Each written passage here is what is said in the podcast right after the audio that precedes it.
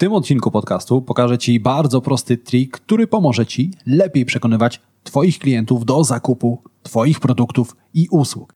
I jednocześnie pomoże Ci podejmować lepsze decyzje w życiu.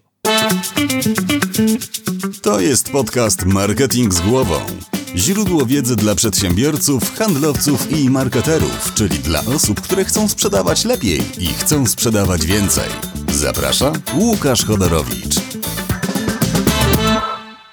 Zanim zaczniemy, pamiętaj, że więcej informacji o tym, jak zrozumieć klienta, jak robić lepszy marketing i jak więcej sprzedawać, znajdziesz w moich newsletterach.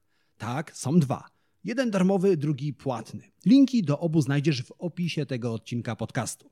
Zerknij, poczytaj i dołącz do tysięcy przedsiębiorców, marketerów i handlowców, którzy co tydzień dostają zastrzyk wiedzy, dzięki której ich firmy rosną jak na drożdżach.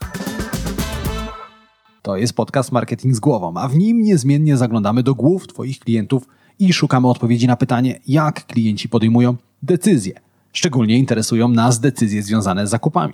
Po co to robimy? Oczywiście po to, żeby pomóc Ci robić jeszcze lepszy marketing i żebyś mogła lepiej sprzedawać swoje produkty i usługi. Ja nazywam się Łukasz Chodorowicz i na co dzień pomagam firmom takim jak Twoja stać się firmami wyjątkowymi. Wiedza, którą dzielę się z Tobą, czerpię ją z badań na temat ekonomii behawioralnej, neuropsychologii oraz dziesięcioletniego doświadczenia w pracy z firmami takimi jak Twoja. Ten podcast nagrywam dla wszystkich przedsiębiorców, handlowców i dla marketerów, czyli dla osób takich jak Ty. Zaczynajmy. Co mają wspólnego Abraham Lincoln i John F. Kennedy? Oczywiście obaj byli prezydentami Stanów Zjednoczonych. Ale to nie wszystko. Ważne wydarzenia z ich życia dzieliło dokładnie 100 lat. Lincoln zasiadł w kongresie w 1846 roku, a Kennedy 100 lat później w 1946 roku. Lincoln został prezydentem w roku 1860, a Kennedy 100 lat później w roku 1960. Obaj prezydenci zginęli w piątek od strzału w głowę. Ich zabójcy mieli trzy członowe imiona. Lincolna zamordował John Wilkes Booth, a Kennedy'ego zastrzelił Lee Harvey Oswald. Brzmi przerażająco? Słuchaj dalej, będzie jeszcze lepiej. Imiona i nazwiska obu morderców składają się dokładnie z 15 liter. Ani jeden, ani drugi morderca nie dożyli rozprawy. Kennedy miał sekretarkę o nazwisku Lincoln. Obaj prezydenci zginęli w piątek u boku swoich żon, a teraz najlepsze. Lincoln zginął w teatrze Forda, natomiast Kennedy w Lincolnie wyprodukowanym przez Forda. Gdyby tego było mało, obu prezydentów zastąpił mężczyzna o imieniu Johnson. W 1898 roku pisarz Morgan Robertson wydał nowelę pod tytułem Daremność. Nowela opowiadała historię luksusowego statku wycieczkowego. Jak twierdził konstruktor, statek był największym statkiem w historii i do tego miał być niezatapialny. Jednak w powieści statek rozbija się o górę lodową. Ten konkretny statek nazywał się Titan. Brzmi znajomo? Czy nowela opowiada losy słynnego Titanica? Być może, bo zbieżności jest znacznie więcej. Fikcyjny Titan miał za mało szalów ratunkowych, dokładnie o połowę za mało. Tak samo jak Titanic. Titan zatonął w kwietniu. Tak samo jak Titanic. W obu przypadkach zginęła ponad połowa pasażerów. Oba statki miały trzy silniki i dwa maszty. Zarówno Titan, jak i Titanic mogły zabrać na pokład 3000 pasażerów. Oba statki zderzyły się z górą lodową około 12 w nocy. Nowela Morgana musiała więc być relacją prawdziwych wydarzeń. Musiała być relacją zatonięcia Titanica. Problem polegał na tym, że Morgan napisał swoją powieść 14 lat przed zatonięciem Titanica. A więc czy Morgan Robertson przewidział przyszłość, a Kennedy'ego i Lincolna łączyła jakaś magiczna, kosmiczna więź? Otóż nie. Gdy bliżej przyjrzymy się obu historiom, okaże się, że różnic jest znacznie więcej aniżeli podobieństw. Titanic zatonął podczas pierwszego rejsu, natomiast Titan był już weteranem morskich podróży. Titan zatonął w całości, a Titanic rozpadł się na dwie części. Titan zatonął natychmiast, a Titanic tonął powoli. Jeśli chodzi o Lincolna i Kennedy'ego, Kennedy był katolikiem, natomiast Lincoln był protestantem. Kennedy zginął od strzału z daleka, a Lincoln zginął od strzału z bliska. Lincoln zginął w Waszyngtonie, Kennedy w Teksasie. Lista różnic ciągnie się niemal w nieskończoność. W każdym razie jest ich znacznie więcej, aniżeli podobieństw między tymi dwoma przypadkami. No dobrze, ale co to tak naprawdę oznacza? Dwie rzeczy. Przede wszystkim Szukamy związków przyczynowo-skutkowych nawet tam, gdzie ich nie ma. Po drugie, kiepsko radzimy sobie z sytuacjami, których nie potrafimy wytłumaczyć. Z tego właśnie powodu szukamy tych związków przyczynowo-skutkowych i z tego powodu szukamy wytłumaczeń, układamy narracje, które pomagają nam zrozumieć sytuacje, których wytłumaczyć nie potrafimy. Podczas II wojny światowej, gdy niemieckie samoloty bombardowały Londyn, Brytyjczycy stworzyli mapę miejsc, w których bomby spadały. Okazało się, że bomby omijały niektóre dzielnice Londynu. Brytyjczycy sądzili, że w tych miejscach mieszkają niemieccy szpiedzy. Jak się później okazało, taki rozkład bomb jest całkowicie naturalny. Gdy Apple wypuścił na rynek pierwszej generacji iPody, klienci sądzili, że ich urządzenia są rozwalone. A dokładnie, że nie działa funkcja shuffle odpowiedzialna za losowe wybieranie piosenek. Problem polegał na tym, że funkcją shuffle sterował algorytm odpowiedzialny za losowe wybieranie piosenek. I teraz taki algorytm może czasami wybrać niektóre piosenki częściej od innych. To znaczy, że jedna piosenka mogła lecieć częściej niż inna. Klienci sądzili, że nie tak powinna działać funkcja shuffle. Ostatecznie Apple musiał zmienić algorytm w taki sposób, żeby rzadziej powtarzał niektóre piosenki. Z tego samego powodu hazardzista, który gra w kasynie w jednorękiego bandytę, będzie tłumaczył sobie konkretne układy owoców. Jeżeli maszyna długo nie pozwoli mu wygrać, hazardzista powie sobie: No dobra, pewnie wcześniej ktoś przede mną wygrał. Gdyby jednak udało mu się natychmiast wygrać, hazardzista wytłumaczy sobie, że pewnie wcześniej kilka osób wrzuciło w maszynę sporo pieniędzy, no i maszyna musi komuś e, tą wygraną zwrócić. Prawda jest jednak taka, że maszyny w kasynach działają losowo, a nawet często są ustawione w taki sposób, żeby częściej nie pozwalały wygrać. Skąd to się bierze? Skąd w nas taka chęć wytłumaczenia zjawisk, których wytłumaczyć się nie da? Cofnijmy się 100 tysięcy lat wstecz. Widzimy naszego prehistorycznego przodka, który biegnie przez prehistoryczną dżunglę. Po drodze znajduje złamaną gałązkę, spłoszone zwierzęta i odcisk łapy na ziemi. Z pozoru te elementy w żaden sposób się nie łączą, ale umysł naszego prehistorycznego przodka układa narrację. Układa narrację, która może brzmieć: hej, stary, w okolicy czai się dziki, prehistoryczny tygrys. Lepiej uciekaj. I teraz mózgu naszego prehistorycznego przodka absolutnie nie interesuje to, że się pomyli. Może nawet pomylić się 9 na 10 razy. Ważne jest to, że jeden raz będzie miał rację i jeden raz pozwoli naszemu prehistorycznemu przodkowi uniknąć zagrożenia, pozwoli mu zachować życie. Skoro słuchasz tego podcastu, a ja mam okazję opowiadać ci o pewnych rzeczach, to znaczy, że zarówno ty i ja mamy geny naszych prehistorycznych przodków. A razem z tymi genami nasi przodkowie przekazali nam pragnienie znajdowania związków tam, gdzie ich w rzeczywistości nie ma. To zjawisko jest tak popularne, że ma nawet swoją nazwę i definicję. A nazywa się błędem teksańskiego strzelca. Wyobraź sobie kowboja, który chce bardzo mocno udowodnić sobie, że jest strzelcem wyborowym.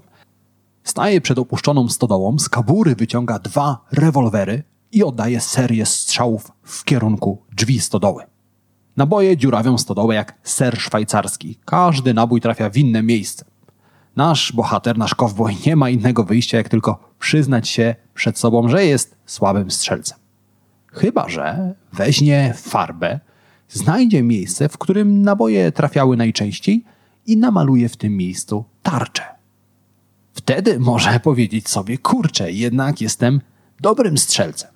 No właśnie, takim strzelcem jest czasami każdy z nas. Szukamy wytłumaczeń, układamy narracje, szukamy związków przyczynowo-skutkowych tam, gdzie ich nie ma.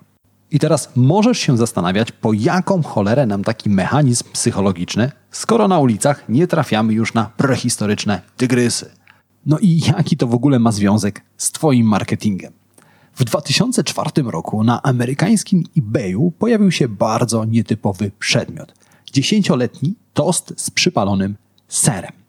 Nie byłoby może w tym nic nadzwyczajnego, gdyby nie fakt, że ktoś kupił tą kanapkę za 28 tysięcy dolarów, czyli za równowartość 100 tysięcy złotych.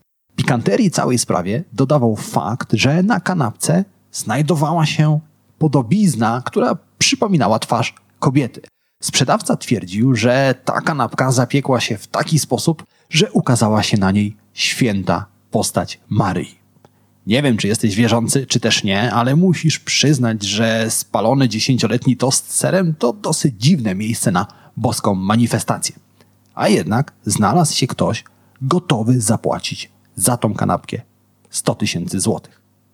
Być może słyszałeś, że emocje sprzedają, a logika pozwala nam nasze zakupy usprawiedliwić. Logika, czyli właśnie wytłumaczenie, czyli narracje, czyli związki przyczynowo-skutkowe. Prześledźmy przez moment proces myślowy, który mógł pojawić się w głowie osoby, która zapłaciła 100 tysięcy złotych za spaloną kanapkę z serem. Błąd teksańskiego strzelca stworzył połączenie, które kazało widzieć klientowi postać świętej Maryi na kanapce.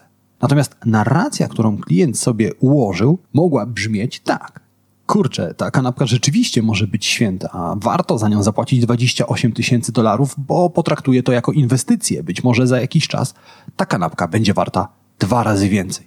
Tak mniej więcej mogło to brzmieć w głowie klienta. I teraz takie narracje układamy sobie w głowie wszyscy. Ty, ja, twoi klienci, wszyscy ludzie. To, jak bardzo potrzebujemy takich narracji, jak bardzo potrzebujemy związków przyczynowo-skutkowych, wykazała w pewnym eksperymencie Ellen Langer. Ellen Langer zebrała trzech swoich najlepszych współpracowników i kazała im udać się do pobliskiego kampusu studenckiego. Ellen Langer kazała swoim współpracownikom znaleźć punkty ksero na tych uczelniach. Jeżeli byłeś kiedykolwiek na uczelni przy punkcie ksero, to doskonale wiesz, że w tych miejscach ustawiają się najdłuższe kolejki. Studenci zawsze coś kserują. Notatki, ściągi.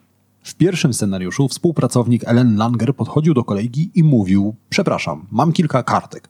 Czy mogę skorzystać poza kolejką? W tym scenariuszu 60% studentów ustępowała mu kolejki. W drugim scenariuszu współpracownik podchodził do studentów i mówił praktycznie to samo, ale dodawał potem, bo bardzo się spieszy.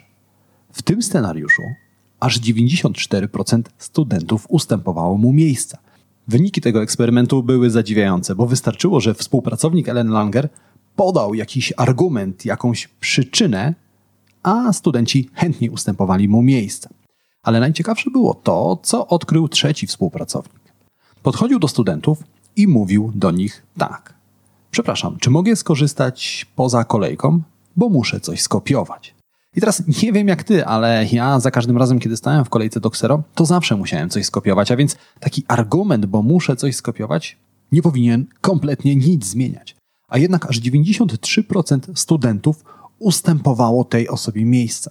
Okazało się, że nie tylko wystarczy podać studentom jakiś logiczny argument, żeby przekonać ich do ustąpienia miejsca, ale wystarczy podać argument, który nie ma żadnego znaczenia tak naprawdę. Tak bardzo pragniemy usprawiedliwić swoje decyzje, że jesteśmy gotowi przyjąć jakikolwiek argument, który pozwoli nam wytłumaczyć samemu przed sobą, dlaczego właśnie tak robimy. To właśnie zadziało się w eksperymencie, o którym Ci przed chwilą powiedziałem. Studentom wystarczyło podać jakikolwiek argument, żeby przekonać ich, że decyzja, którą podejmują, czyli ustępują miejsca, jest decyzją właściwą. Bardzo podobny eksperyment przeprowadził noblista Daniel Kahneman. Daniel Kahneman opowiedział uczestnikom tego eksperymentu o dwóch sklepach spożywczych. W każdym ze sklepów sprzedawca podniósł cenę pomidorów o 50%. Różnica polegała na tym, że w jednym ze sklepów sprzedawca podał uzasadnienie takiej podwyżki. Powiedział, że musi podnieść ceny, ponieważ ceny podnieśli dostawcy. Następnie Kahneman zapytał uczestników eksperymentu, w którym ze sklepów chętniej zrobiliby zakupy. Okazało się, że większość osób bez mrugnięcia okiem wybrała w sklep, w którym sprzedawca podał uzasadnienie podwyżki cen. A więc mamy kolejny dowód na to, że ludzie potrzebują wytłumaczeń, potrzebują przyczyn, potrzebują związków potrzebują narracji, które pomogą im usprawiedliwić decyzję. I właśnie z tego samego powodu ty, drogi słuchaczu, również powinieneś dać Twoim klientom uzasadnienie, dlaczego powinni kupić właśnie u Ciebie, a nie u konkurencji. Jeżeli prowadzisz kwiaciarnię, to powiedz Twoim klientom, że bukiety, które sprzedajesz, zachowują świeżość tylko dlatego, że każdego ranka przywozisz świeże kwiaty. Jeżeli prowadzisz pralnię, udowodnij Twoim klientom, że u Ciebie wypiorą ubrania najlepiej, ponieważ niedawno zainwestowałeś w nową pralkę. Jeżeli prowadzisz restaurację i chcesz przekonać Twoich klientów, że Twoja restauracja jest najlepszym miejscem na spotkania biznesowe, to dodaj, że jest tak dlatego, bo masz najszybsze Wi-Fi w mieście. Daj klientom logiczny argument, daj klientom narrację, która pozwoli im usprawiedliwić decyzję, zakup Twojego produktu albo Twojej usługi. W ten sposób pomożesz klientom usprawiedliwić tą decyzję i łatwiej przekonasz ich do zakupu u ciebie. A na dzisiaj to wszystko. Jak zawsze, zanim się rozstaniemy, mam dla ciebie trzy najważniejsze rzeczy, które chciałbym, abyś zapamiętał, zapamiętała z tego odcinka podcastu Marketing z głową.